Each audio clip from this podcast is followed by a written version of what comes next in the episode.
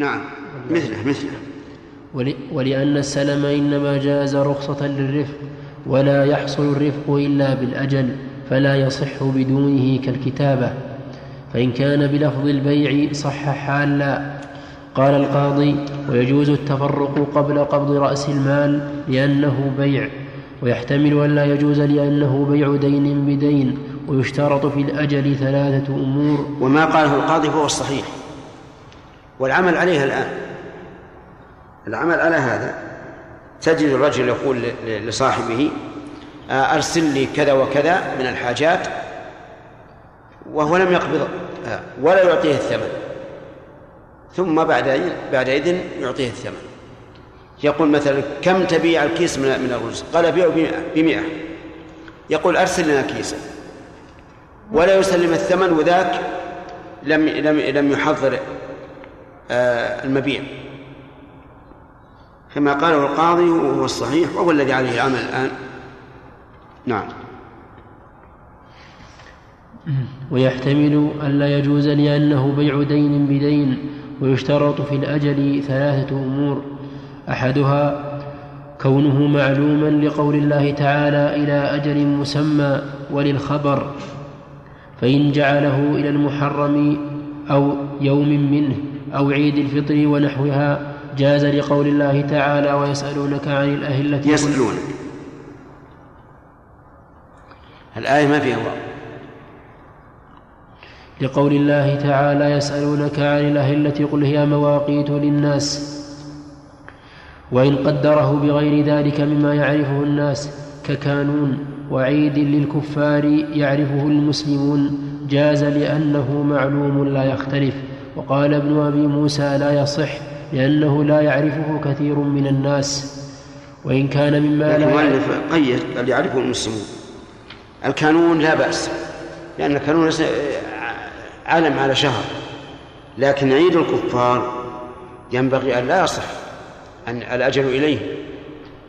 لما لأن هذا عن العيد شعار ديني عند الكفار فلا يجوز أن أن يجعل أن تجعل آجال البيوع للمسلمين إلى هذا الشعار الديني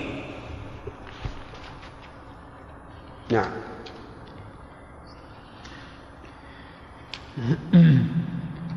وإن كان مما لا يعرفه وإن كان مما لا يعرفه المسلمون. إذا قال العلماء يصح أو لا يصح؟ هل يلزم من قولهم لا يصح أنه حرام؟ إلا يلزم. كل شيء فاسد فهو حرام. نص على هذا أهل العلم وهو حقيقة. لأنه إذا كان فاسدا ثم إنك عملت به صار هذا مضادة مضاد للشرع. فكل فاسد حرام. هذه قاعدة. كل فاسد حرام من الشروط والعقود وغيرها. نعم.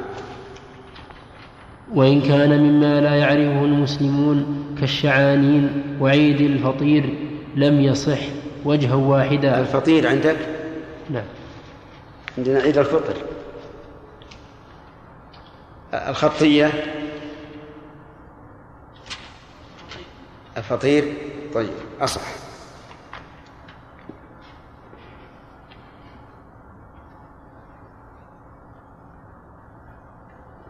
نعم.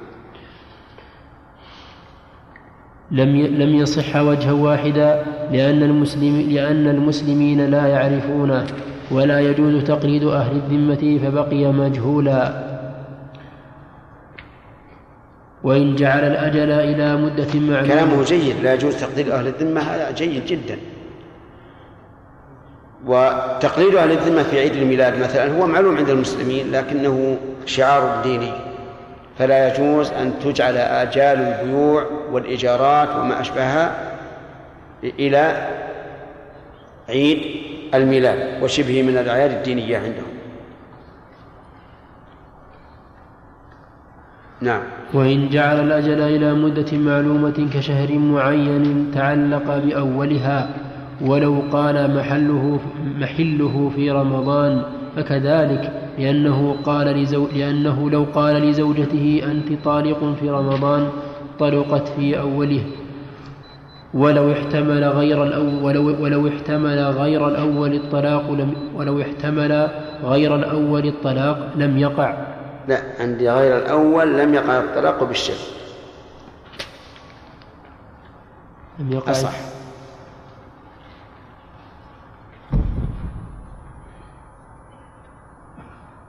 لم يقع الطلاق؟ نعم.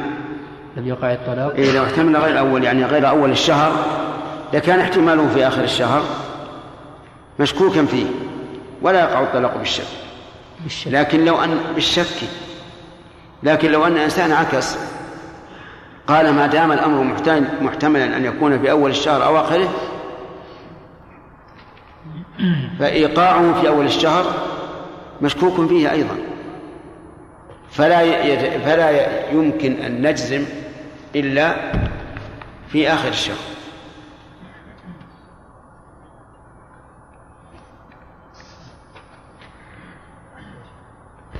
لكن لو قال قائل إذا قال محله في رمضان لو قال قائل قولوا بالوسط إذا قال محله في رمضان فهو يكون في وسطه. لا وكس ولا شر. لا نضر البائع ولا نضر المشتري. لو قيل بهذا لكان جيدا. نعم. وإن, وإن جعله وإن جعله اسما يتناول شيئين كربيع تعلق بأولها. وإن أولهما الظاهر.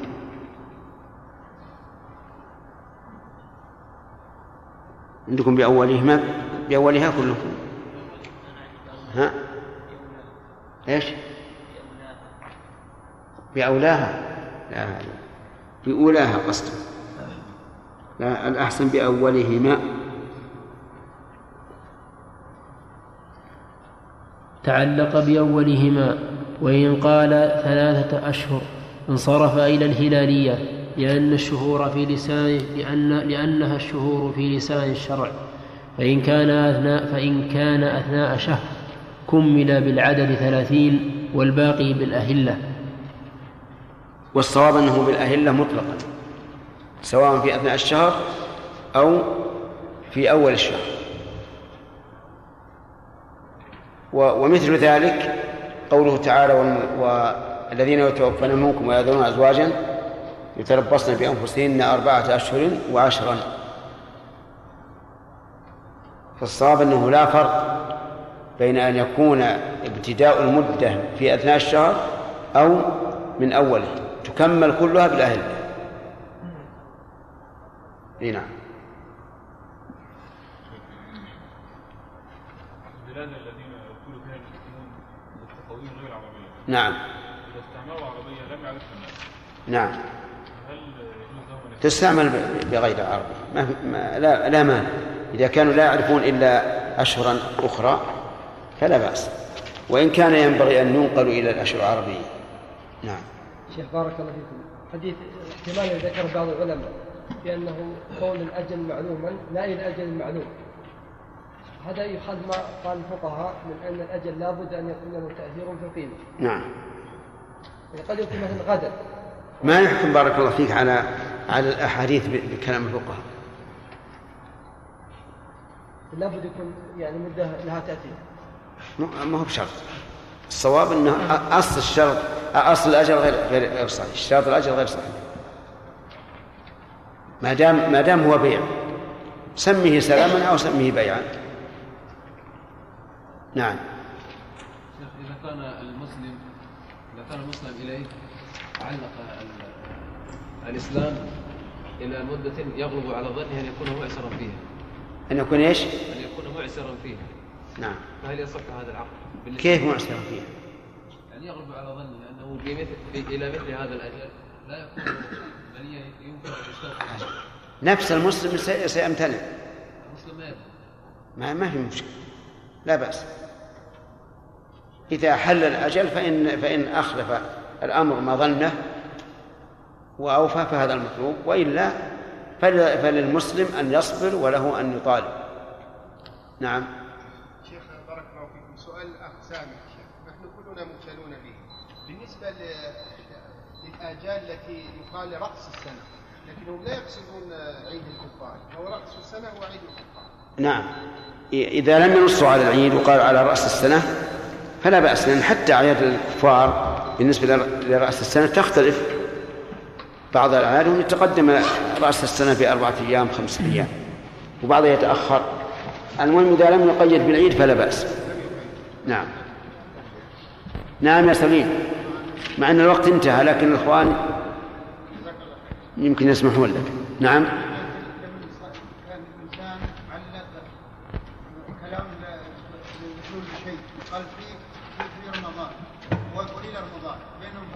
رمضان بينهم فرق.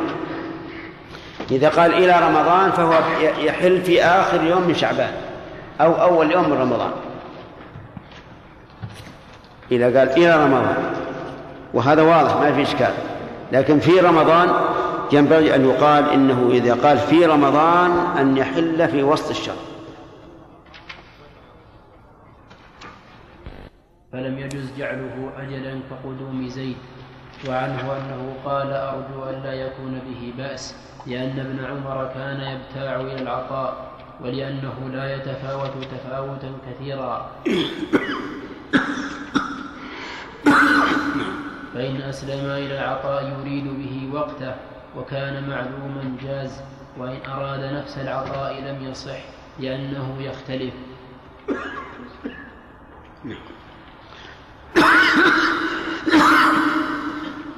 هذه هذه المسألة يعني تأجيل السلم بالحصاد والجذاب فيه روايتان عن الإمام أحمد رحمه الله.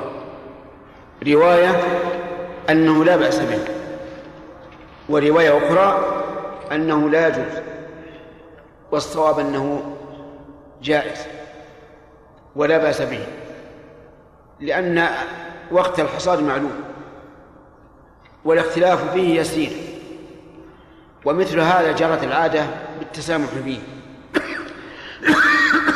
ومثله قدوم الحج الحجاج. في الزمن الأول. فإن قدوم الحجاج في الزمن الأول يكون متقاربا. أما الآن فتعرفون أن الحجاج يختلفون اختلافا كثيرا. لا يصح التأجيل به. وأما ما, ما, ما روي عن ابن عباس لا تبايعوا الحصاد والدياس فلعله أراد أن يبيع نفس الذي جذ ونفس الذي ديس فيكون النهي مصبا على العين لا على الأجل لأن الفلاح ربما يقول أنا أؤجل السلم حتى أحصد ويعني بذلك أنه يبيع ما حصد أو حتى أجد ويعني بذلك جداده وهذا لا شك أنه مجهول. أما الحصاد بمعنى وقت الحصاد فالصواب الرواية الثانية عن أحمد أن ذلك جائز. وكذلك إذا أسلم إلى العطاء يعني عطاء الديوان. ومثل عندنا الآن في الوقت الحاضر الرواتب. هذا لا بأس به لأن الاختلاف فيها يسير. أما إذا أراد نفس العطاء فهذا لا يصح لأنه قد يحصل في وقته وقد لا يحصل. نعم. الأمر الثالث أن تكون مدة لها وقع في الثمن كالشهر ونصفه ونحوه فأما اليوم ونحوه فلا يصح التأجيل به لأن الأجل إنما اعتبر ليتحقق المرفق. أي مثل ما قلنا في الأول المرفق يعني مكان الرفق أو يتحقق الرفق. نعم. ولا يتحقق إلا بمدة طويلة فإن أسلم فيه هذا الشرط أيضا فيه نظر وذلك لأن الحديث يقول يقول فيه الرسول عليه الصلاة والسلام إلى أجل معلوم وأجل نكرة. تشمل الكثير والقليل لكن من المعلوم عادة أنه لا بد أن يكون الأجل طويلا. لأن باذل الدراهم سيخفض من القيمة. فإذا كان الصاع يساوي درهما فإنه سوف يخفض من القيمة. لا يعطيه إلا درهما إلا ربعا مثلا. إذ أن المبيع سوف يتأخر تسليمه فنعم نقول هذا هو الأغلب أنه لا بد أن يكون بأجل له وقع في الثمن. ثم التمثيل بالشهر ونصفه ونحوه أيضا يختلف. أحيانا يكون تكون السلع غير مستقرة. فيكون الأجل القليل له وقع في الثمن. وأحيانا تكون مستقرة فلا يكون له وقع في الثمن إلا إذا كان في مدة طويلة. أفهمتم؟ كذلك أيضا ربما يكون عقد يكون عقد السلم قرب الموسم. كموسم الحج مثلا. فهنا لا بد لا شك أن المدة القليلة سيكون لها وقع في الثمن بمناسبة إيش؟ الموسم لأن الموسم ترتفع ترتفع به الأسعار. الخلاصة أن القول الراجح أنه لا يشترط الأجل ولا كونه له وقع في الثمن وأن السلم يصح حتى في الحال وسبق الكلام على هذا. نعم. فإن أسلم في جنس إلى أجلين أو آجال مثل أن يسلم في خبز ولحم يأخذ كل يوم أرطالا معلومة جاز لأن كل بيع جاز إلى أجل جاز إلى آجال كبيوع الأعيان. ويجوز أن يسلم ويجوز أن يسلم في جنسين إلى أجل واحد لما ذكرنا. نعم. يعني يجوز أن يسلم في جنس واحد إلى أكثر من أجل. فيقول أسلمت إليك ألف ريال بمئة صاع من البر. نصفها يحل في رجب والنصف الثاني في شوال. جائز. كذلك العكس. يسلم في شيئين إلى أجل واحد. كأن يقول أسلمت إليك مئة ريال بخمسين صاعا من البر وخمسين صاعا من الشعير تحل في رجب. يجوز هذا. نعم. ما هو الجمع بين قول النبي صلى الله عليه وسلم لا تدع الناس عندك نعم. وبين إجازتهما أن يعقد على الشيء عقد سلم وهو حال. ما هو على الشيء؟ أن يعقد أن على موصول بالذمة. الفرق أنه لا تبع ما ليس عندك العين. وموصول في الذمة هذا غير معين ولهذا نطالب الذي باع الشيء الموصوف بالذمة نطالبه بإيجاده على كل حال. وأما الشيء المعين لو تلف ما نطالبه به. نعم. بعض الفلاحين يحتاج إلى السلم في أول الزرع. يعني يزرع موسم الأرز مثلا وهو يحتاج إلى نفقات آه، الزرع. ولا يكون معه مال فيفترض على سبيل السلم آه، من هذا الموسم فعلى أي أساس يحدد السعر؟ إذا أعطاه بسعر يوم السلم بسعر يوم قبض المال يكون فيه ضرر كبير على المسلم لأن السلعة ترتفع إلى إلى الضعف أو أكثر. نعم. وإذا أعطاه بسعر الحصاد يتفاوت تفاوتا كثيرا لأن يتوقف السعر على كثرة لكن هل هو يريد أن يقترض منه ولا يريد أن يبيع عليه بسلام؟ هم المعاملة الموجودة يقول مثلا أعطني ألف جنيه نعم. على أن أعطيك بها أرز إذا جاء الحصاد. تمام. هذا هو السلم طيب على كيف يحدد السعر؟ ما يحتاج آه، هو سيقول عاطن ألف جنيه على أن أعطيك آه، بها أرزا وقت الحصاد. نعم. لا بد أن يحدد الأرز. يقول مثلا مئة اردب مئة صاع مئة قفيز لا بد أن لا يمكن تحديده إلا بمعرفة الثمن هذا معرفة الثمن ألف جنيه بألف صاع. أي أساس يعطيه بالثمن؟ بيوم القبض بيوم على أنه إذا جاء وقت ال- الحصاد يؤمن له هذا الشيء. هو يؤمن يا شيخ بارك الله فيكم لكن هو الإشكال آه، السعر. يحدد. السعر بيحدد. بيوم القبض ولا الآن مثلا هذا الذي أسلم ألف جنيه. نعم. يريد مثلا آه، وش عندكم التقدير؟ عندنا آه، نعم يريد إردب من الأرز هذا التحديد هو الإرداب من الأرز قد يساوي ألف جنيه. نعم ربما عند الحصاد يساوي ألف جنيه أو لا يساوي إلا خمسين جنيه. نعم. أو يساوي ألفين جنيه.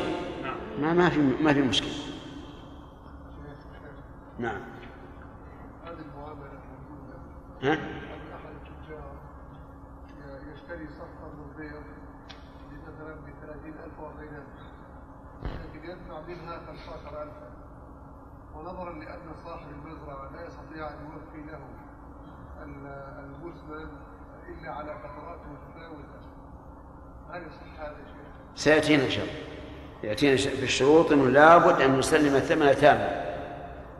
هذا كبيع هل يصح هذا؟ كبيع؟ ما يصح بيع. لأن هذا سلم بلا شك.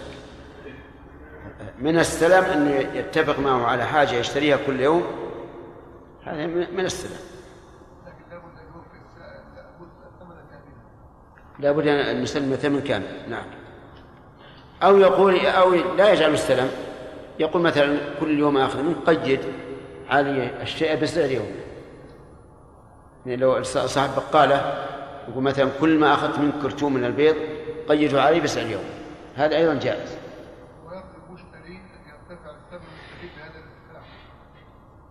لا المشتري يشتري الحاجات. كل يوم يشتري بقدر حاجته. وإلا فليجعله سلما ثم عاد حظه نصيب كما يقولون. نعم. فصل. الشرط الرابع أن يكون المسلم فيه عام الوجود في محله مأمون الانقطاع فيه لأن القدرة على التسليم شرط ولا تتحقق إلا بذلك. فلو أسلم في العنب إلى شباط لم يصح لأنه لا يوجد فيه إلا نادرا. ولا يصح السلم في ثمرة بستان. شباط وش؟ ها؟ شهر فرنجي؟ اي وش يوافق؟ صيف ولا ولا شتاء؟ اي طيب. أسلم في العنب إلى إلى شباط. هذا لا يمكن أن يوجد عنب في شباط. وذلك في عصره. أما في عصرنا فيوجد. وذلك في خزنه في في المبردات والثلاجات. وعلى كل حال نرجع للأصل. لا بد أن يكون المسلم فيه موجودا وقت الحلول في مكانه. هذا المهم. لأنه لو أسلم في شيء لا يمكن وجوده في وقته في ذلك المكان صار في هذا تعجيز ومغامرة. لكن لا بد أن يوجد وهنا يعني نتعرض لمسألة يستعملها المقاولون في البناء. يقول مثلا ابني لهذا البيت في خلال ستة أشهر فإن انتهت الستة فعليك خصم كل يوم مئة ريال أو ألف ريال أو ما يتفقان عليه. فهل يجوز هذا أو لا يجوز؟ نقول إن ضرب مدة يمكن فيها انتهاء البناء فهذا جائز. وإن ضرب مدة لا يمكن فهذا لا يجوز لأنه في المسألة الأخيرة يكون المقاول مغامرا. ومن المعلوم أنه إذا قصر مدة الإنشاء فسيكون السعر أعلى. وحينئذ يكون إما غانما وإما غارما. أما إذا كانت المدة في وقت يمكن أن ينتهي فيه البناء فهذا لا بأس به. نعم. ولا يصح السلم في ثمرة بستان بعينه ولا قرية صغيرة لما روي عن النبي صلى الله عليه وسلم أنه أسلف إليه رجل من اليهود دنانير في تمر مسمى. فقال اليهودي من تمر حائط بني فلان.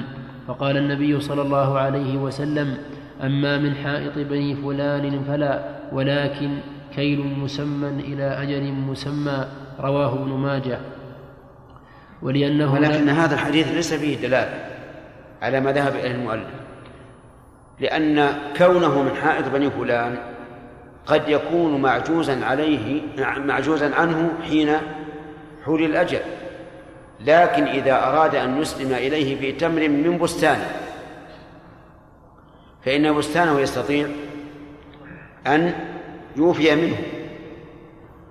أما من من حائط بني فلان فحائط بني فلان قد يكون المسلم إليه قادرا على تحصيله وقد يكون غير قادر. ولهذا ينبغي أن يكون في ذلك تفصيل. فيقال إن عينه مما يملكه المسلم إليه فلا بأس به. وإن كان من حائط آخر فإنه لا يجوز لأنه داخل في بيع ما ليس عنده ولا يتمكن من من من الوفاء. وهذا القول الذي ذكرته هو الذي عليه عمل الناس اليوم. اليوم يعني قبل أن تحصل والحمد لله هذه الثروة لكن فيما سبق كان الفلاحون يأتون إلى التجار ويسلم التجار إليهم دراهم في تمر من نخيلهم أو في حب من زرعهم وهذا لا بأس به. فصار في هذا على على قول الراجح صار في هذا تفصيل. أما إن عينه وهو أنه إن عينه من بستانه الذي يملكه فلا بأس بذلك. وإن عينه من بستان من بستان آخر فإنه لا يجوز. طيب. لكن لو قال من حائط بني فلان أو ما يماثله فهل يجوز؟ نعم يجوز. لأننا علمنا من قول من حائط بني فلان أو ما يماثله أنه أراد هذا النوع الطيب. نعم. ولأنه لا يؤمن تلفه فلم يصح كما لو قدره بمكيال كما لو قدره بمكيال معين ولا يصح السلم في عين لذلك ولأن الأعيان لا تثبت في الذمة.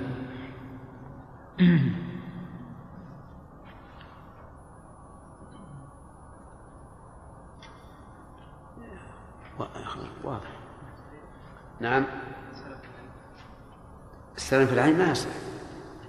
لأن إذا أسلم في العين ملكها المشتري وإذا ملكها كيف تبقى؟ ونقول بدل من أن تقول سلم اذكر أنه بيع بعت عليك هذا الشيء ويبقى عنده حسب الشرط. نعم. السلم إذا كان إلى أجل مثلا إلى سنة فإنه حينئذ ربما يرتفع سعر البر الذي أسلم فيه وربما ينخفض جدا. نعم. فيكون هذا المسلم سوف يكون إما غانما أو غارما. لا. هذا ما سأل عنه الأخطار هذا لا بأس به. وليس غانما أو غارما. لأن الغانم والغارم في مقتضى العقد. أما هذا فهو غانم وغانم بحسب السعر. وكما يقول العوام حظه ونصيب آدم. أنت ما جاء شيء ها؟ ما جاء وقت السؤال. إيش؟ ما جاء وقت السؤال. ما أدري والله عنه على صفحة. هنا نعم كيف؟ بعد كل فصل؟ وإن كان قصير يا شيخ. ما أدري. صفحة أظن هو الأصل ليش؟ لماذا لا نجعل الكافي؟ لأنه فقه. كغيره. إذا بقي خمس دقائق يسأل.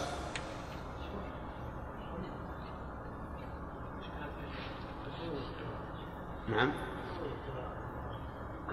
من بعد حتى إخوانكم الآن يقولون هذا يعيقنا عن السير على الأصل. نعم. يقول على الأصل. على الأصل وهو؟ صفحة صفحة ثم يفتح الأسئلة. ها. يعني كل صفحة؟ نعم. تمام. هذا طيب. ينضبط به كل صفحة ولها ثلاث أسئلة. أين زين. نعم. نسخة نسختي أنا والقارئ. نعم. الشرط الخامس أن يضبط أي الشرط الخامس أن يضبط بصفاته التي يختلف الثمن بها ظاهرا فيذكر الجنس والنوع والجودة والرداءة والكبر والصغار والطول والقصر والعرض والسمك والنعومة والخشونة واللين والصلابة والرقة والصفاقة والذكورية والأنوثة والسن والبكارة والثيوب والسن والبكارة والثيوبة واللون والبلد والرطوبة واليبوسة ونحو ذلك مما ونحو ذلك مما يقبل مما يقبل هذه الصفات ويختلف بها ويرجع فيما لا يعلم منها طيب آه، يقول آه، أن يضبط صفاته التي يختلف بها الثمن ظاهرا. يعني وأما الصفات اليسيرة التي لا يختلف فيها الثمن إلا قليلا فلا يشترط. قال الإمام أحمد كل سلم يختلف ولا يمكن أن تضبط الصفات ضبطا كاملا كأنما تشاهده. يقول يذكر الجنس والنوع. والصحيح أن ذكر النوع كاف عن ذكر الجنس لأن الجنس أعم والنوع أخص. فمثلا يقول أسلمت إليك مئة ريال بمئة صاع من البر حنطة. البر أنواع. تعرفون أنواعه تعرفون أنواعه معروف. عندنا أنواع حنطة معية صمة القيمي جربة. نعم.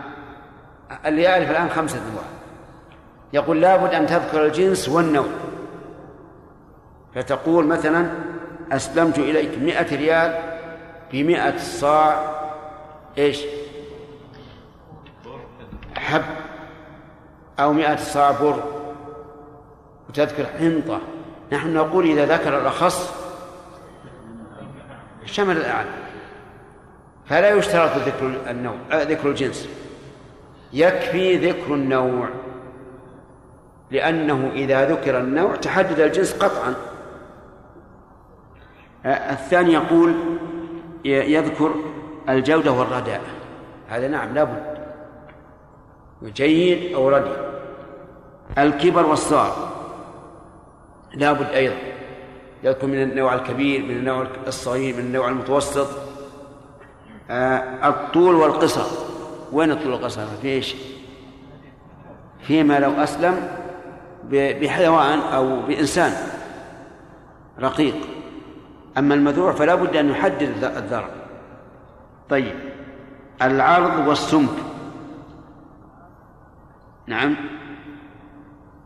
العرض والسمك إيش؟ نعم لو أسلم بخشب أو أو غيره. النعومة والخشونة. نعم؟ أي نعم. قماش اللين والصلابة. على كل حال الصحيح في هذا في هذا الشرط أن يذكر الصفات التي يختلف بها الثمن اختلافا ظاهرا هذا الضرب والله أعلم.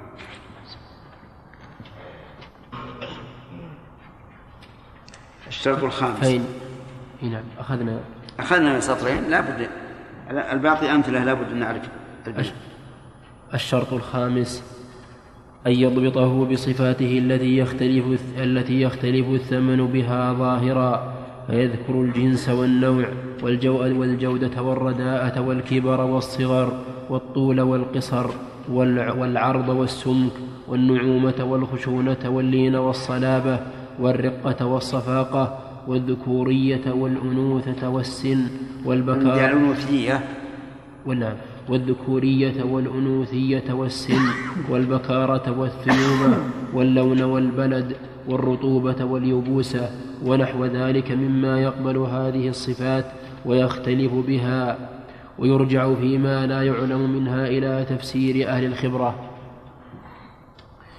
فإن شرط الأجود منها لم يصح لأنه يتعذر عليه الوصول إليه فإن وصل إليه كان نادرا.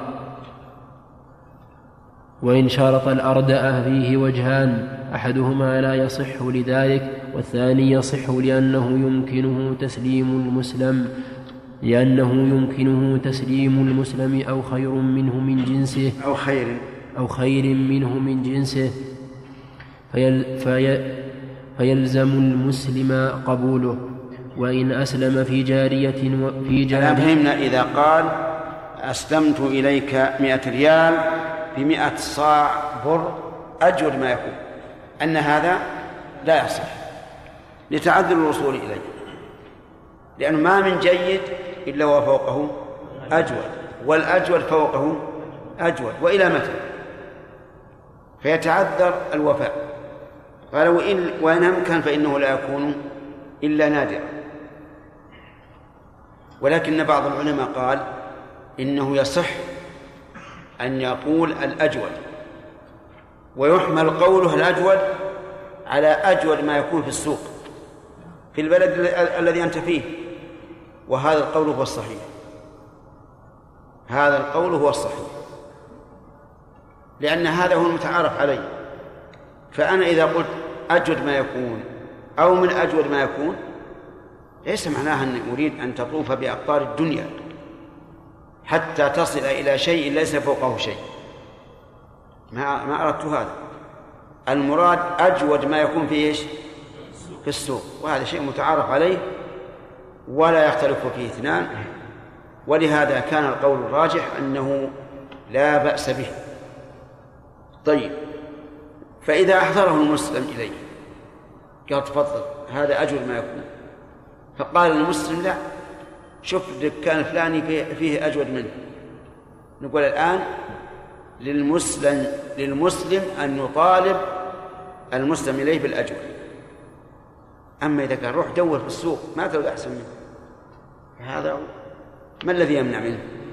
الأرض يقول إذا إذا شرط الأرض فيه وجهان. فذكر الخلاف في الأرض ولم يذكر الخلاف في الأجود. لما سيأتي؟ قال الأرض صحيح أنه ما من رديء إلا إيش؟ وفي أرض منه. وما من أرض إلا وفيه أرض منه. لكن يقول إنه إذا أحضر ما هو أجود مما وصف. لزم المسلم قبوله لأنه أوفاه خيرا من حقه. وإذا أوفاه خيرا من حقه لزمه القبول. ولهذا لو أنك بعت عليه شاة وشرط أنها ذات لبن وأنها يحلب منها في اليوم والليلة صاع. فوجدها فأتيت إليه بما يح... ببقرة يحلب منها في اليوم والليلة الصاعان. وقال لا الشرط اللي بينه وبينك صاع. هل يلزمه أن يقبل ما تحلب صاعين؟ يلزمه. لأن الزيادة في الصفات يلزم قبولها. يلزم قبولها. هذه جادة المذهب. أن الزيادة في الصفات يلزم قبولها فإذا اتفقوا وياه على سلم في أرد ما يكون. يجوز أو لا؟ فيه وجهان يا أخوان. المذهب لا يجوز. لكن فيه وجه آخر أنه يجوز وهو في الحقيقة هو الذي يبنى على المذهب لأنه لأنه إذا جاء بأرد ما يكون في السوق. فقال المسلم الذي دفع الدراهم أنا شرطت عليك الأرض. هل أنت طفت بالبلاد كلها؟ نعم. مثلا أرض ما يكون بعنيز. قال طيب رحت لبريدة؟ رحت لبريدة. هذا أرض ما يكون. رحت للرياض؟ رحنا للرياض. هذا أرض ما يكون. رحت لمكة؟ رحنا لمكة. هذا أرض ما يكون. الجدة؟ قال الجدة هذا أرض ما يكون. القاهرة نعم معلوم ما من غد أرض إلا وفوق ودونه أرض منه. لكن نقول ما حاجة يطوف البلدان نقول إذا جاء بأجود مما يجب في ذمته إيش؟ لازم القبول. حتى لو فرض أنه في البلد نفسه لم يأتي بالأرض. يلزمه القبول. لأن نقول الشيء اللي اتفقنا عليه الصاع من البر أو صاعين أو عشرة أو مئة أتيت بها الآن. كونها أرجع مما كونها أجود مما مما وصفت هذا خير لك. ما يرد إلا إلا رجل سفيه. ففهمنا الآن إذا اشترط الأجود على كلام المؤلف لا يصح. إن شرط الأرجع ففيه وجهان والصحيح أن شرط الأرجى والأجود كلاهما جائز. نعم. وإن أسلم في جارية وابنتها لم يصح لأنه يتعذر وجودهما على ما وصف. وإن استقصى صفات السلم بحيث يتعذر وجوده لم يصح لأنه عز تسليمه. لأنه عز. يعجز عندي أنا عندي لأنه يعجز تسليمه. حطوها النسخة واللي عندكم عزة لعلها يعز.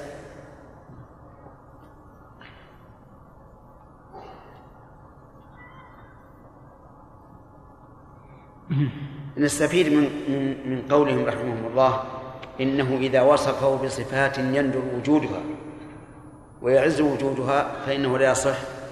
نستفيد فائدة يستعملها الآن البناؤون. يتفق هو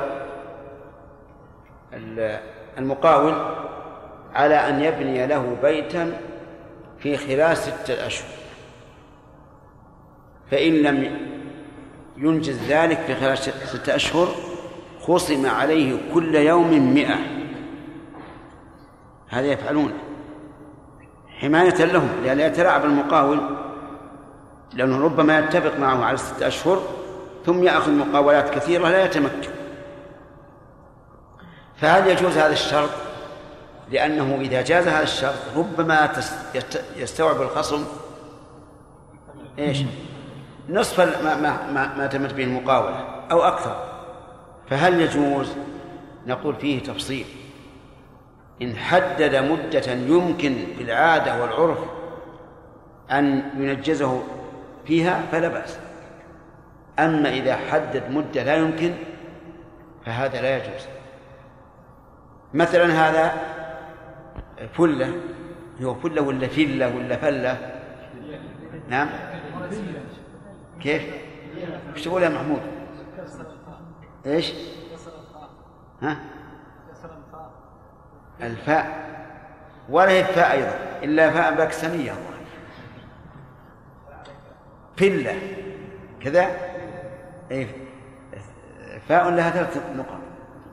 على كل حال آه، إذا كان هذه الفلة فيها حجر وفيها غرف الحجر الأسفل والغرف الفوق. نعلم يقينا أنه لا يمكن لا يمكن أن يبنيها في خلال ستة أشهر. وجعل المدة ستة أشهر. هل يجوز هذا الشرط؟ لا لأنه مغامر. أما إذا كان يمكن وأنه إذا بناها بناء مستمرا حسب العهد والعرف أمكن فلا بأس بهذا الشرط. هذا يمكن أخذ من كلام الفقهاء هنا. إن الأوصاف النادرة في السلم لا يجوز اشتراطها. نعم.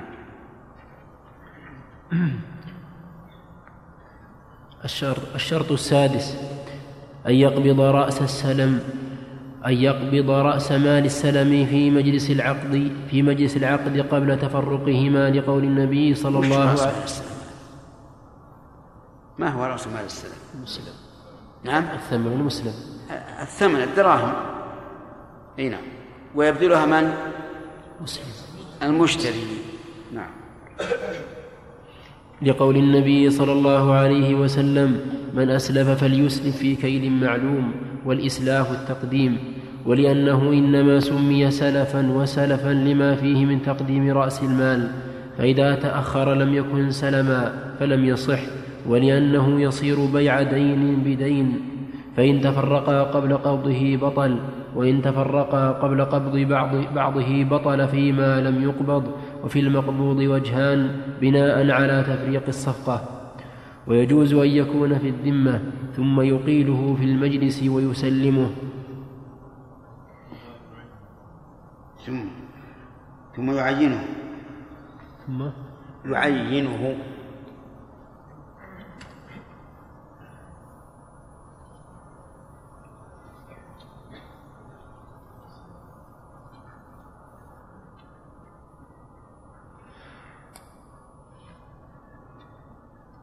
ويجوز أن يكون في الذمة ثم يعينه في المجلس ويسلمه.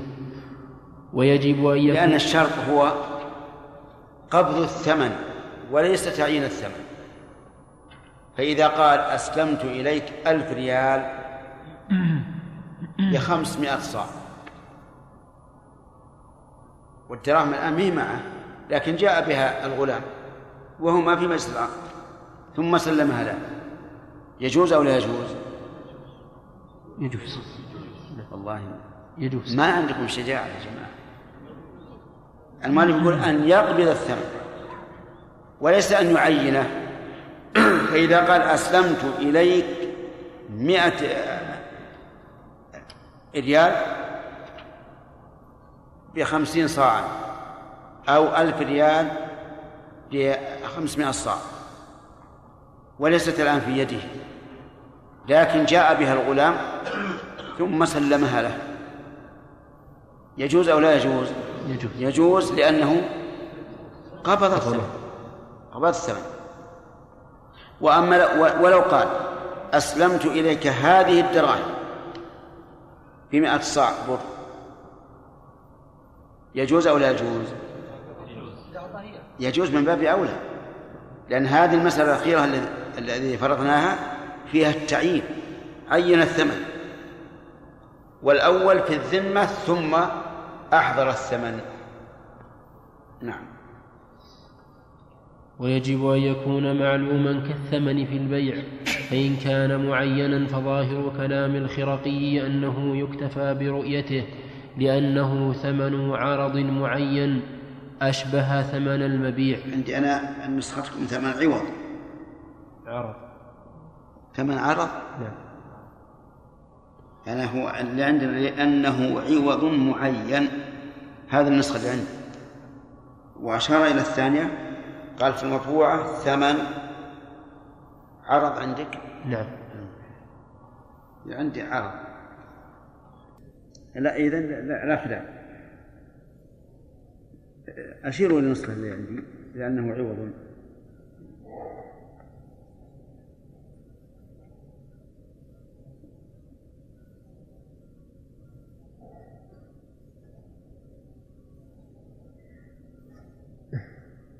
ويجب أن يكون معلوما كالثمن في البيع فإن كان معينا فظاهر كلام الخرقي أنه يكتفى برؤيته لأنه ثمن عرض معين أشبه ثمن المبيع. وقال القاضي لا بد من وصفه لقول أحمد ويصف الثمن ولأنه عقد لا يمكن إتمامه وتسليم المعقود عليه في الحال ولا يؤمن انفساخه فوجب معرفة رأس المال بالصفات ليرد بدله كالقرض في الشركة فعلى هذا لا يجوز أن يكون أن يكون فعلى هذا لا يجوز أن يكون رأس المال إلا ما يجوز أن يسلم فيه. لأنه يعتبر ضبط صفاته فأشبه المسلم فيه. لكن عندنا الآن الدراهم والدنانير معلومة. معلومة بمجرد ما أقول لك 100 ريال سعودي مثلا تعرف أنه على هذا الوصف. لكن فيما سبق الدراهم والدنانير تختلف. صغرا وكبرا وثقلا وخفة لذلك لا بد لا بد من وصفه وما ذكر والتعليل الذي ذكره القاضي رحمه الله جيد. لأنه يخشى أن ينفسخ العقد. فإذا انفسخ العقد فالمشتري بأي ثمن يرجع؟ فلا بد من وصفه وعلى هذا فنقول لا بد من وصف الثمن إذا كان عجيب يختلف. أما إذا كان لا يختلف فالتعيين كافي نعم.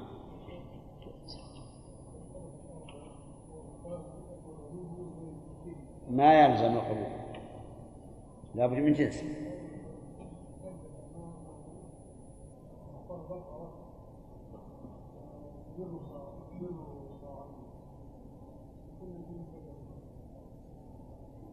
البقرة واحد. نعم.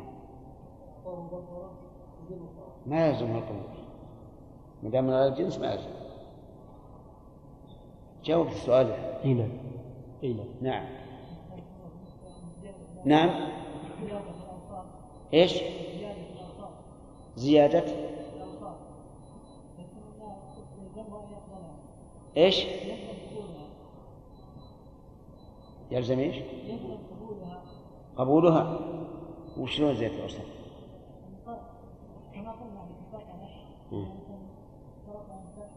نعم نعم هذه يعني زي- زي- زيادة ال- الوصف عما تم العقد عليه.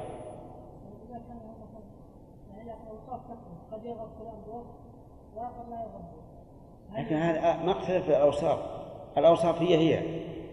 بقرة صفراء حمراء سوداء لي هي هي. لكن الم- المشروط أنها تحلب صاع وصارت تحلب صاعين وش يضر؟ إن شاء قال لا قال الذي أتى بها. إن شاء قال الصاع الذي يزيد عطني إياه.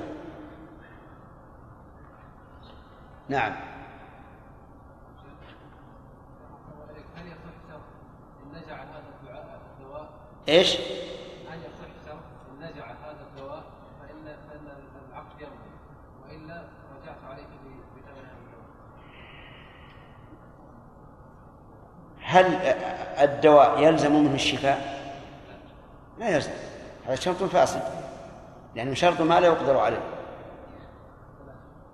نعم ثلاثة طيب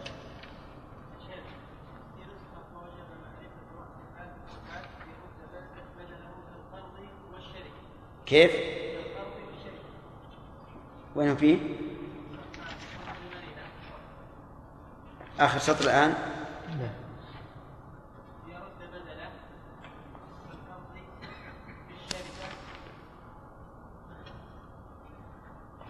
آخر الفصل الماضي ها؟ آخر آخر الفصل اللي قرينا و ولا يؤمن فساقه فوجب معرفة رأس المال بالصفات ليرد بدله كالقرض في الشركة عندي في نسخة خالد كالقرض والشركة فصل الشرط السادس؟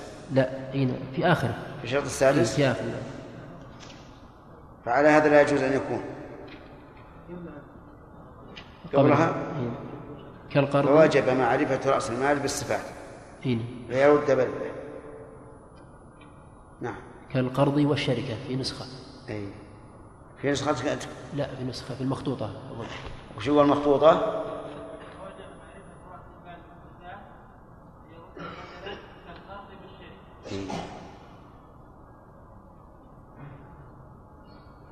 حتى القرض والشركة في أشكال.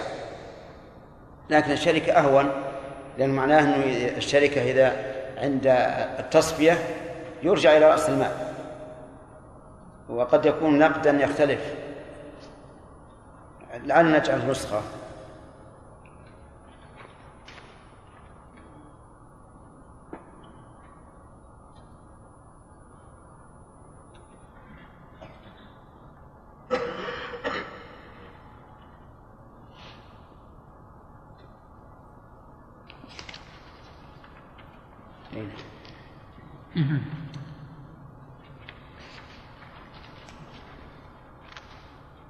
فصل.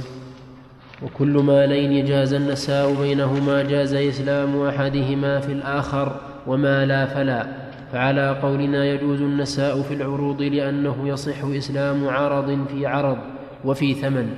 فإن أسلم عرضا في آخر بصفة فجاءه به عند المحل. ففيه وجهان. أحدهما يلزمه قبوله. يلزمه قبوله لأنه أتاه بالمسلم فيه فلزم قبوله. على صفته نعم. أتاه بالمسلم فيه؟ نعم. على صفته فلزم قبوله.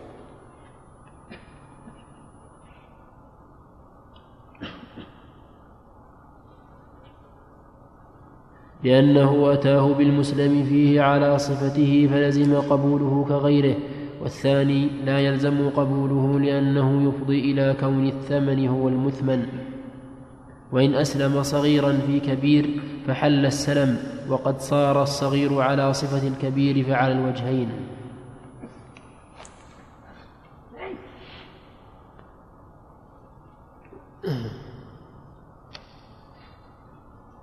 واضح هذا؟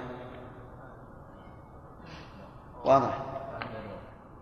وعلى كل حال الإسلام يكون بالنقد يسلم النقد ويكون المسلم فيه عرضا. هذا واضح. دراهم ببر. قد يسلم عرضا في عرض. مثل أن يسلم برا ببر أو تمرا بتمر هذا صحيح.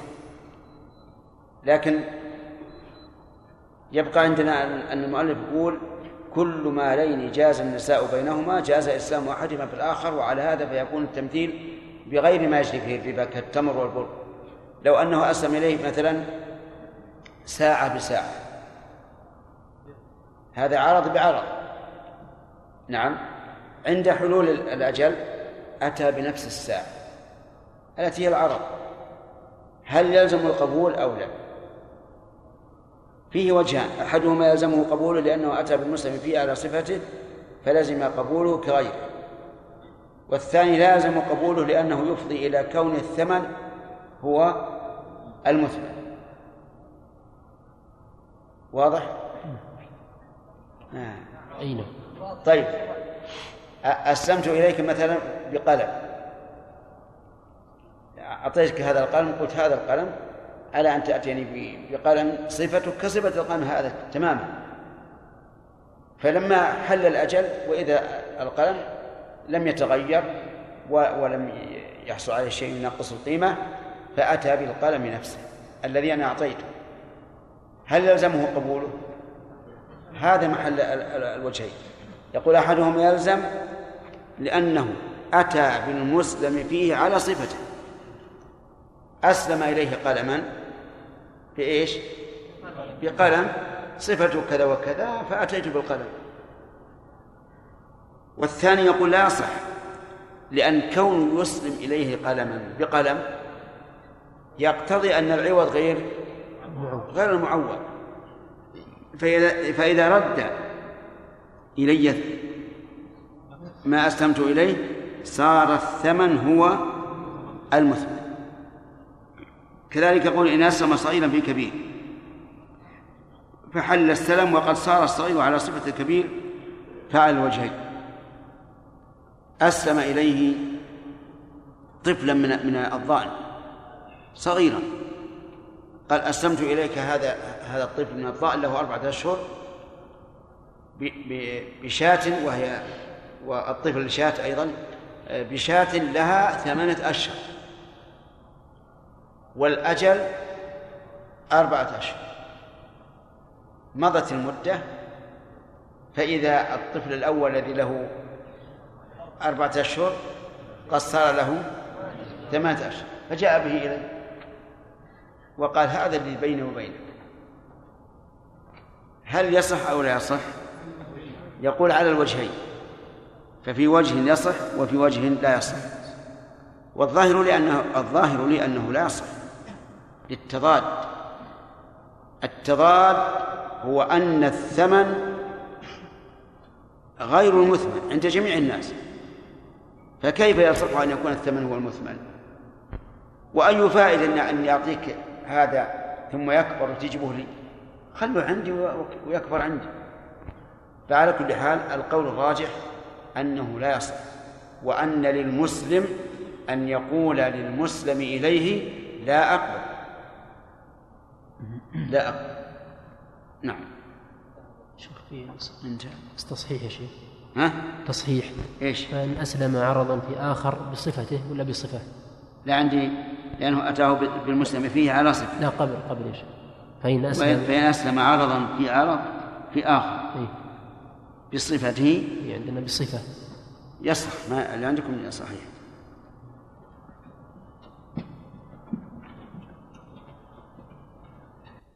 في باب السلم فصل ولا يشترط وجود المسلم فيه قبل المحل لا.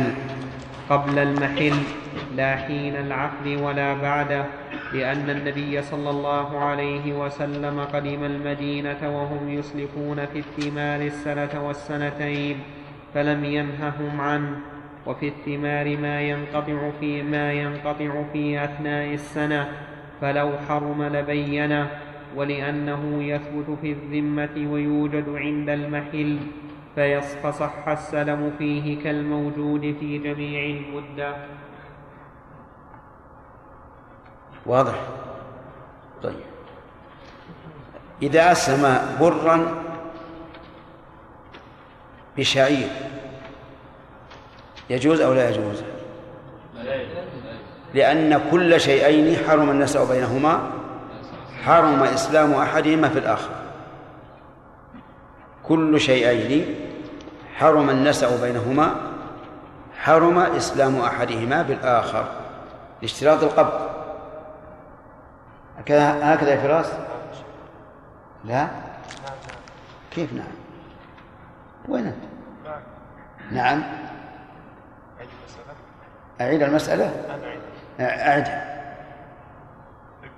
كل شيئين حرم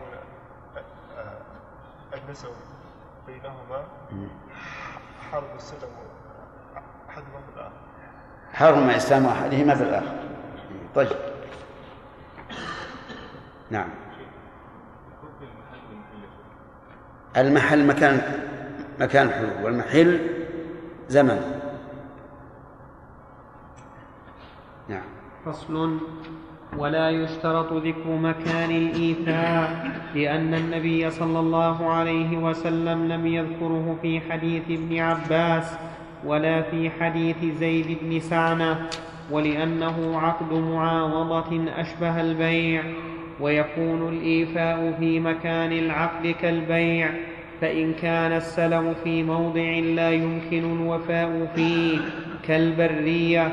تعين ذكر مكان الإيفاء ولأنه لا بد من مكان ولا قرينة تعين فوجب تعيينه بالقول. عندك ولأنه والله أنه لأنه من المعهل مخطوطة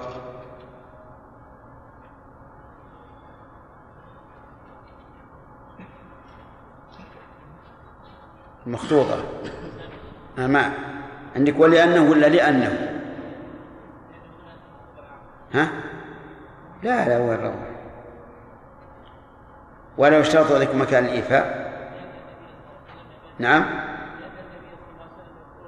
طيب آه، سطرين أيضا بعد بعد سطرين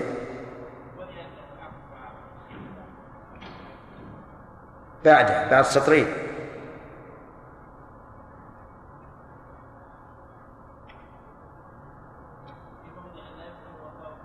اي كالبرية كالبرية تعين ذكر مكان الإيفاء وش بعده؟ هذه إيش طبع الواو؟ لأنه له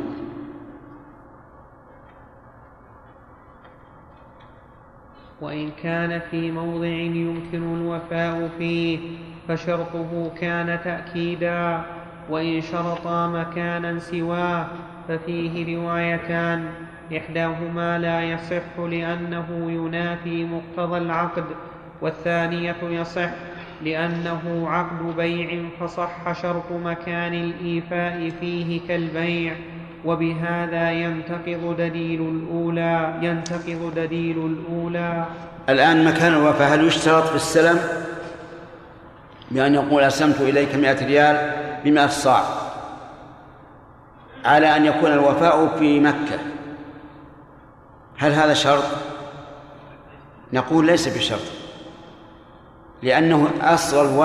أصل وجوب الوفاء في مكان في مكان العقد فمثلا نحن الآن في عنيزة ما يحتاج أن نقول ال- الوفاء في عنيزة.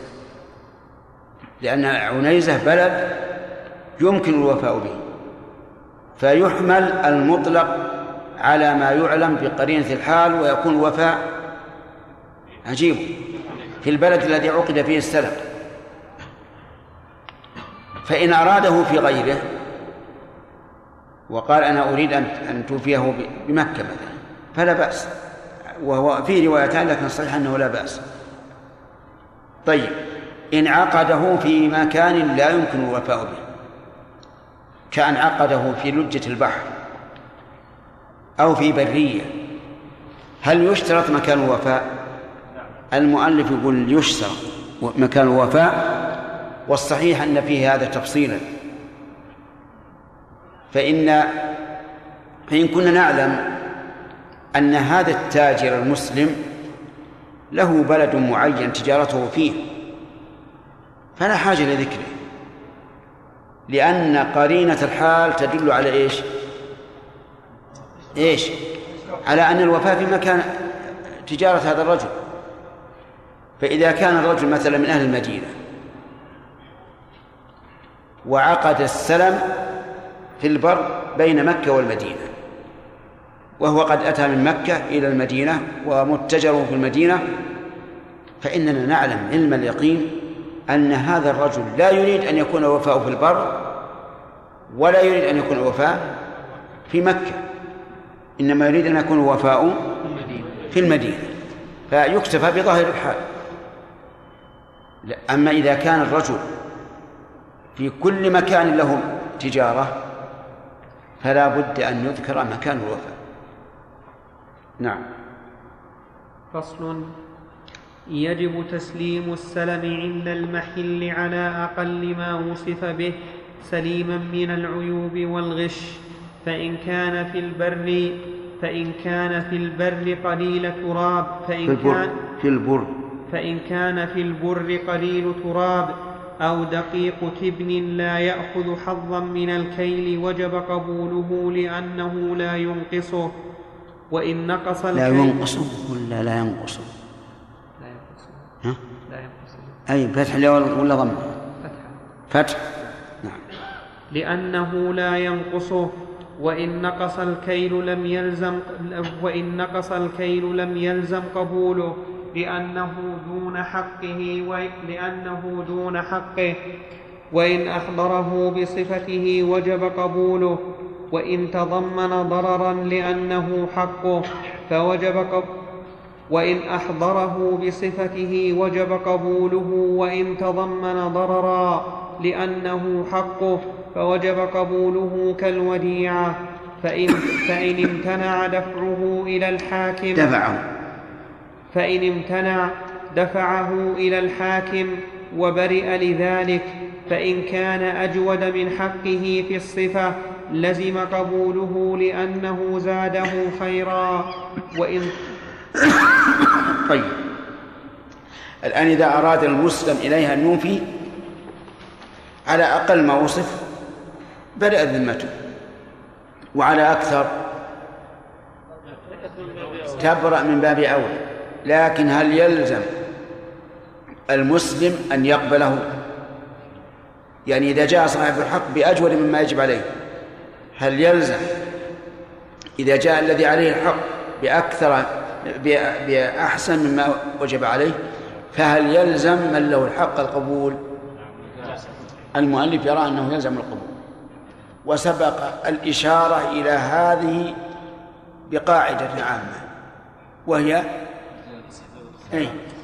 أن الصفات لا يشترط قبولها. نعم لو فرض أن هذا الرجل الذي أتى بأكثر مما يجب عليه صاحب من؟ وخ- وخشي صاحب الحق. أن يجعل من ذلك منة عليه يقطع بها رقبته كلما حل الذكر. فهنا فهنا نقول لا يجبر على القبول لما عليه من الضرر. نعم. فإن كان أجود من حقه في الصفة لزم قبوله لأنه زاده خيرا وإن طلب عن الزيادة عوضا لم يجز لأنها صفة ولا يجوز إفراد الصفات بال- بالبيع وإن جاءه بأردأ من حقه لم يجب قبوله وجاز أخذه. لو, لو أن المؤلف قال لم يجب لكان أولى. أما لم يجوز فما المانع؟ وأما قول أنه صفات فيقال نعم هي صفة تزيد بها القيمة. فإذا جاء بأجود وقال هذا أجود مما اتفقنا عليه ولكني أريد أن تعطيني عوضا عنه لأن ما اتفقنا عليه الصاع بدرهم واحد وهذا الصاع بدرهم ونصف بدرهم ونصف. فأريد أن تعطيني. المؤلف يقول لا يجوز. والصحيح أنه جائز. ما المانع؟ لكن لا يجب المعاوضة. فهنا ثلاثة أشياء. هل يجب على المسلم أن يعطي المسلم إليه إذا أتى بأجود أن يعطيه معاوضة على الزائد؟ لا يجب. هل هل يلزمه قبوله؟ على كلام على المذهب هو حقيقة يلزم القبول. هل يجوز أن يأخذ المسلم إليه عوضا عن هذه الصفة الجيدة؟ المؤلف يرى أنه لا يجوز والصحيح أنه يجوز. لأن هذا لأن الصفة الجيدة لابد أن تزيد بها القيمة. نعم. نعم. اللي عندك؟ لم يجب عندك؟ وش بعده؟ إيه هو التعليل يدل على أن الذي عندنا أصح لأنه قال ولا يجوز إفراد الصفة اللي عندنا أصح لكنها لكن كلام المؤلف ضعيف في هذه المسألة والصواب أن يقال لم يجب قبوله ولكن لو قبل وأعطاه زيادة فلا بأس نعم. و... نعم يا سليم. كان الرسول صلى الله عليه وسلم يدل عليه شيخ ما قربته ما على ما كلام المؤلف إيش إيش؟ أعد أعد أعد. فعل الرسول صلى الله عليه وسلم. نعم. يطابق ما إن الزيادة تقبل تقبل على ما هي عليه. وذاك يقول يقول يفجر ما هو على لأن الرسول صلى الله عليه وسلم أعطى بكر بكر اعطي ابن البكر الثاني. نعم. هذا دليل على المسألة لا المؤلف يقول له بياخذ عوض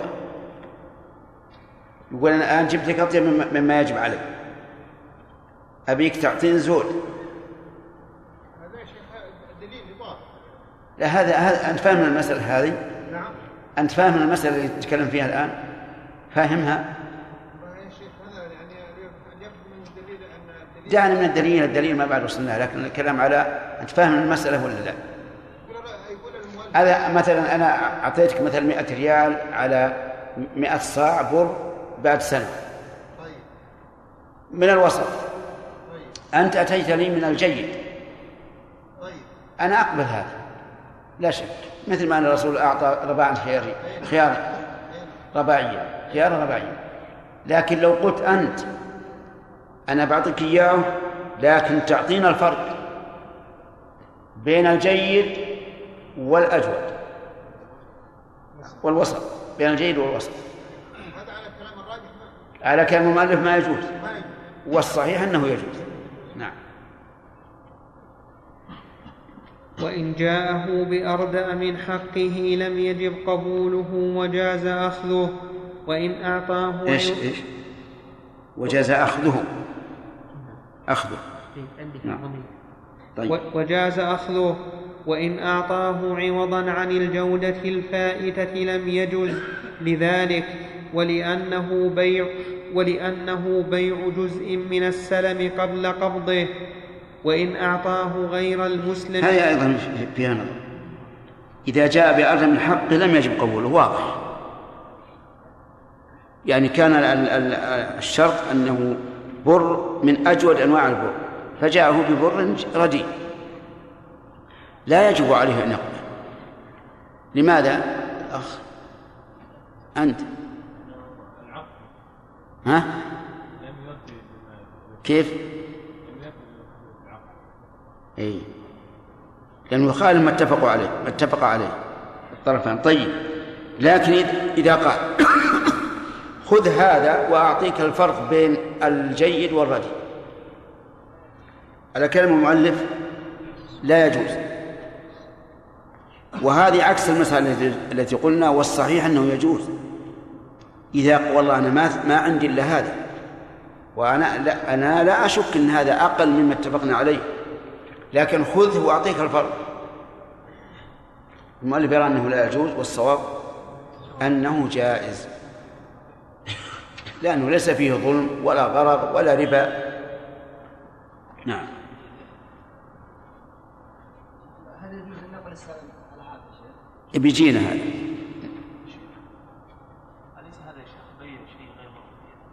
في الذبة لا لا. أبدا هو هو.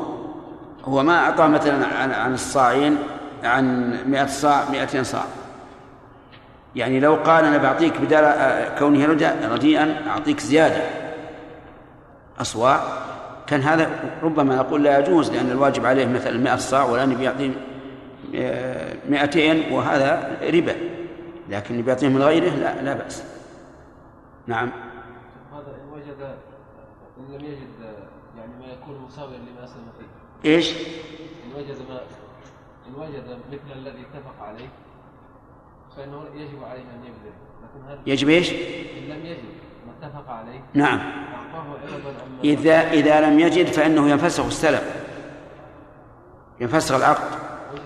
ويعود آه، كل منهما إلى إلى إلى البراءة. أنا يعني أنه أعطاه أقل مما اتفق عليه نعم. وأعطاه العوض نعم. صحيح فإن وجد مثله لكنه يعني أعطاه أعطاه أقل منه مع العوض يعني هل مع عدم الوجود هو الذي يجوز العوض؟ ما هو شرط. يعني لو اتفقا وإن لم وإن لم وإن كان يوجد مثل اتفقا على إعطاء الفرق فلا بأس. ثلاثة. نعم. وإن أعطاه غير المسلم فيه لم يجز أخذه لأن النبي صلى الله عليه وسلم قال من أسلم في شيء فلا يصرفه إلى غيره رواه أبو داود. ولأنه بيع السلم قبل قبضه فلم يجز. بيع للسلم. أحسن. للسلم أوضح. ولأنه بيع للسلم قبل قبضه فلم يجز كما لو أخذ عنه. وقال ابن أبي موسى رواية أخرى في من أسلم في بر فرضي مكانه شعيرا مثل كيله. جاز. ولعل هذا على رواية كون البر والشعير جنسا والصحيح غيرها. وإن الصحيح في هذه المسألة أنه يجوز أن يصرف السلم إلى غيره وأنه إذا أعطاه غير المسلم فيه واتفق على ذلك فلا بأس. لكن إذا كان يجري بينه وبين المسلم فيه الربا وجب القبض قبل التفرق. مثال ذلك آه، رجل مثلا أسلم في مئة صاع بر وعند حلول الأجل قال المسلم إليه أنا ليس عندي بر وأعطيك بدله تمرا. واتفق على ذلك. فعلى ما ما فعلى ما مشى عليه الأصحاب العقد باطل ولا يجوز وهو الذي قاله المؤلف. وعلى القول الراجح العقد صحيح لكن يجب أن يقبض التمر في مجلس العقد لماذا؟ لأن التمر والبر يجري بينهما ربا النسيئة. فلو اتفقا على العقد ثم لم يقبض التمر إلا بعد صار ذلك باطلا. ودليل هذا قول الرسول عليه الصلاة والسلام حين سأله ابن عمر قال كنا نبيع الإبل بالدراهم ونأخذ عنها الدنانير ونأخذها بالدراهم ونبيع ونبيعها بالدنانير فنأخذ الدراهم. قال لا بأس أن تأخذها بسعر يومها ما لم تتفرقا وبينكما شيء. وهذا بيع دين بدين لكن الرسول اشترط. فنقول دين السلم كغيره. دين السلم كغيره. فيجوز أن يأخذ عن البر تمرا. لكن بشرط إيش؟ التقابض قبل التفرق وألا يكسب. يعني ألا يأخذ تمرا عوضه أكثر من البر. لأنه إذا أخذ تمرا عوضه أكثر من البر فقد كسب فيما فيما لم يدخل في ضمانه وقد نهى النبي صلى الله عليه وسلم عن ربح ما لم يضمن. كلام عربي ولا غير عربي عربي؟ عربي واضح. طيب. فإن قال قائل بماذا تجيبون عن الحديث؟ قلنا الحديث إن صح فعلى العين والرأس. وإن لم يصح فلا فلا حجة فيه. لكن إذا صح فإن معنى قوله فلا يصرف بغيره أي في سلم غيره. والسياق واضح. من أسلم في شيء فلا يصرفه إلى غيره أي إلى سلم غيره. لأن هذا لا يمكن أن يصرفه إلا بزيادة. وإذا صرفه بزيادة صار هذا فعل الجاهلية إما أن توفي وإما أن تربي واضح ولا فيه؟ طيب. آه، مثال ذلك أسلم مئة ريال مئة صاع. وحل الأجل. الواجب على المسلم إليها الآن؟ مئة صاع. قال عندك مئة صاع. سنصرفه إلى سلم آخر. فأجعل مئة ريال اللي أعطيتك أولا أجعلها في مئة صاع رز مثلا. هذا لا يجوز لأنه لا يمكن أن يتع... أن يعمل بهذه المعاملة إلا إلا بزيادة لأنه سوف يتأخر التسليم. وهو سيأخذ عن هذا التأخير زيادة. فيكون هنا أولا أنه ربح فيما لم يدخل في ضمانه والثاني أنه يشبه ربا الجاهلية الذي. آه الذي يقولون فيه إما أن تقضي وإما أن ترضي. والخلاصة أنه إذا صح الحديث فالجواب عنه. امشي. أي فلا يصرفه إلى سلم آخر. لأنه في هذه الحال لا بد أن يزيد. فيكون داخلا في الربا من وجه ورابحا فيما لم يدخل في ضمانه من وجه آخر وكلاهما منهي عنه وأما إذا صرفه في الحاضر قال بدل التمر بعطيك بر أو بدل البر أعطيك تمرا فما المانع؟ وليعلم أن الأصل في البيوع إيش؟ الحل إلا ما قام الدليل على منع. لقوله تعالى وأحل الله البيع وحرم الربا فأي صورة من البيع؟ يقول لك فيها إنسان إنها حرام؟ فما فماذا تقول؟ أين الدليل. لكن أي صورة تقول إنها حلال؟ فلا فليس عليك دليل يعني لا تطالب بالدليل. لماذا؟ لأن الأصل الحل. انتبه لهذه القاعدة. كل ما كان الأصل فيه شيء شيئا معينا فما خرج عن الأصل فعلى من أخرجه الدليل. والله أعلم. باب السلم وإن أعطاه غير نوع السلم جاز قبوله ولا يلزم وقال القاضي يلزم قبوله إذا لم يكن أدنى من النوع الذي شرطه لأنه من فأشبه الزائد في الصفة من نوع واحد والأول وصح لأنه لم يأت بالشروط فلم بالشروط لا له المشروط. خطية.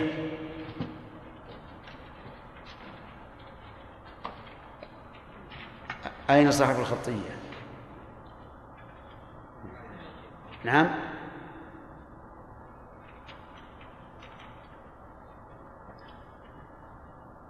تكلم ها. هو الظاهر لأنه لم يأتي بالشروط بالمشروط. هذا الصواب. لا ننتظر حتى نشوف النسخة ولا نكتب لعله المشروط. لكن إذا حصل النسخة تصحيح حسن.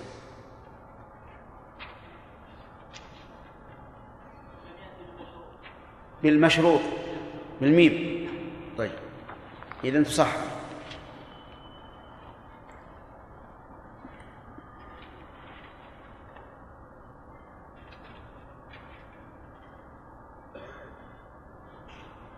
لأنه لم يأت بالمشروط فلم يلزم قبوله كالأدنى بخلاف الزائر في الصفة. فإنه أحضر المشروط مع زيادة ولأن أحد النوعين يصلح لما لا يصلح له الآخر بخلاف الصفة. نعم. الآن إذا أتاه بشيء من نوعه لكن الجنس واحد التمر مثلا أنواع وقد أسلم إليه بتمر السكري فأتى إليه بتمر الشقر. النوع الآن اختلف.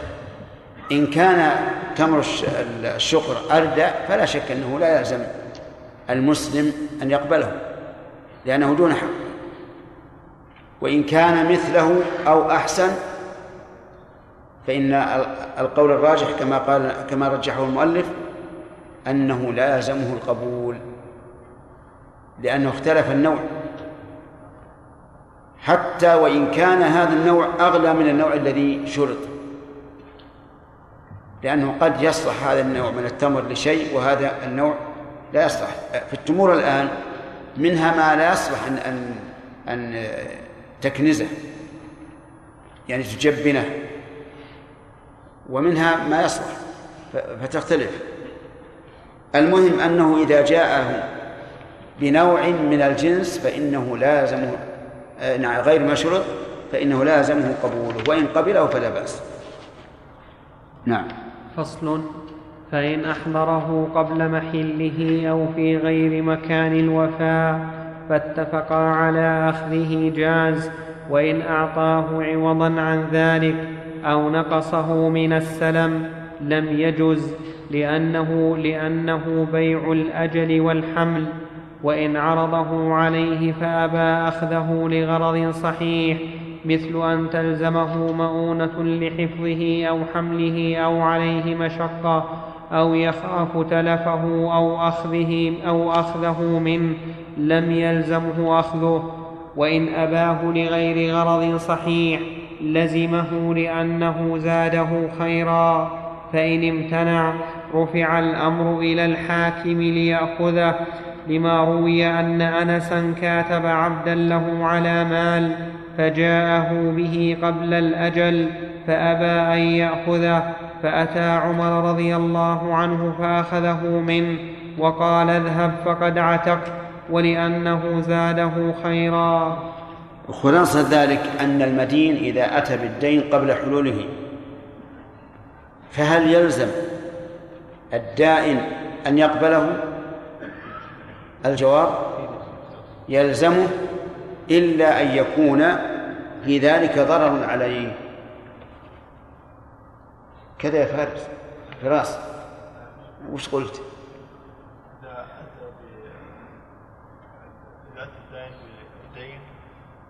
قبل حلول الأجل أن إذا كان. صحيح طيب هذا خلاصة الفصل نعم فصل وإذا, وإذا قبضه بما قدره به من كيل أو غيره برئ صاحبه وإن قبضه جزافا قدره فأخذ حقه ورد الفضل أو طالب بتمام حقه إن كان ناقصا وهل له التصرف في قدر حقه قبل تقديره على وجهين أحدهما له ذلك لأنه قدر حقه وقد أخذه. قدر. لأنه قدر. تشكيل غلط.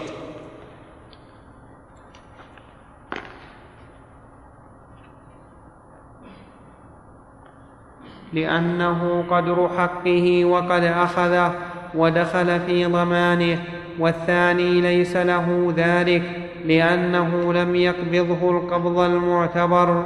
وإن اختلفا في القبض فالقول قول والظاهر الأول الظاهر أن له أن يتصرف في مقدار حقه فإذا مثلا إذا أتى إليه بكيس وقال هذا خذ حقك منه خذ حقك منه واردد الباقي. فله أن يتصرف بقدر حقه ويعتقد ويعتبر تصرفه قبضا. مثلا هو هو يطلبه عشرون صاع. وهذا الكيس يساوي ثلاثين صاعا أو يبلغ ثلاثين صاعا. فله أن يبيع منه عشرة صواع خمسة عشر صاعا. لأنه على قدر حقه نعم. وإن اختلفا في القبض فالقول قول المسلم لأنه منكر.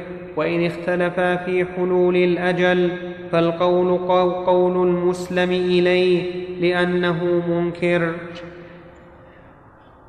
فصل وإن تعذر تسليم الثمن عند المح عند المحل. السلم. وإن تعذر تسليم السلم. السلم نعم. يعني المسلم فيه.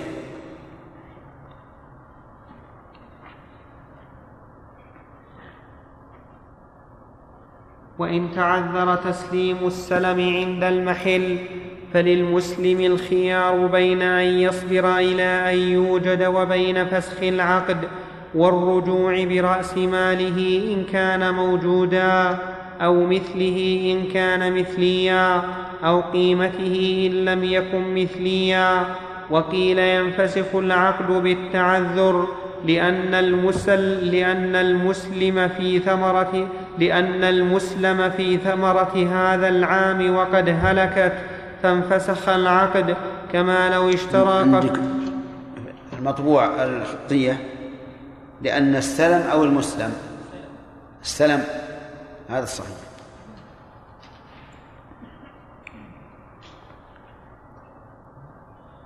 لأن السلم في ثمرة هذا العام وقد هلكت فانفسخ العقد كما لو اشترى قفيزا من صبرة فهلكت والأول أصح لأن السلام ما هو الأول؟ أنه يخير المسلم بين الفسخ إيش؟ والصبر لأنه حقه فإن شاء فسخ وإن شاء صبر فإذا كان الأنفع له. فإذا كان الأنفع له أن يفسخ فسخ وأخذ الثمن وإن كان الأنفع له أن يصبر صبر. نعم. والأول أصح لأن السلم في الذمة لا في عين وإنما لزمه الدفع من ثمرة هذا العام لتمكنه من دفع الواجب منها فإن تعذر البعض فله الخيرة بين الصبر بالباقي وبين الفسخ في الجميع وله أخذ الموجود والفسخ وله, وله أخذ الموجود والفسخ في الباقي في أصح الوجهين لأنه فسخ في بعض المعقود عليه أشبه البيع وفي الآخر لا يجوز لأن السلم يقل فيه الثمن لأجل التأجيل فإذا فسخ في البعض بقي البعض بالباقي من الثمن وبمنفعة الجزء الذي فسخ فيه فلم يجز كما لو شرطه في ابتداء العقد. وتجوز الإقالة في السلم كله. تجوز. عندي وتجوز. وتجوز الإقالة في السلم كله إجماعا. وتجوز في بعضه لأن الإقالة معروف جاز في الكل فجاز في البعض لأن الإقالة معروف جاز.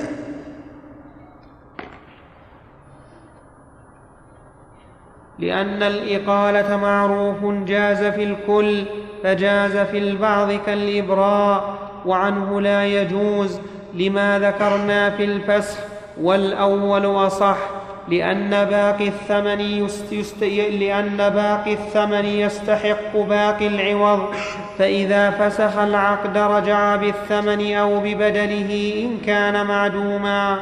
لأن باقي الثمن يستحق. وش عندك بقى؟ مخطوط؟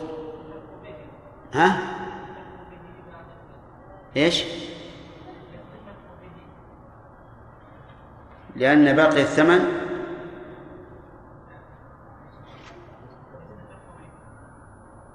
يستحق به. يستحق به. هذا أصح. لا لابد من زيادة.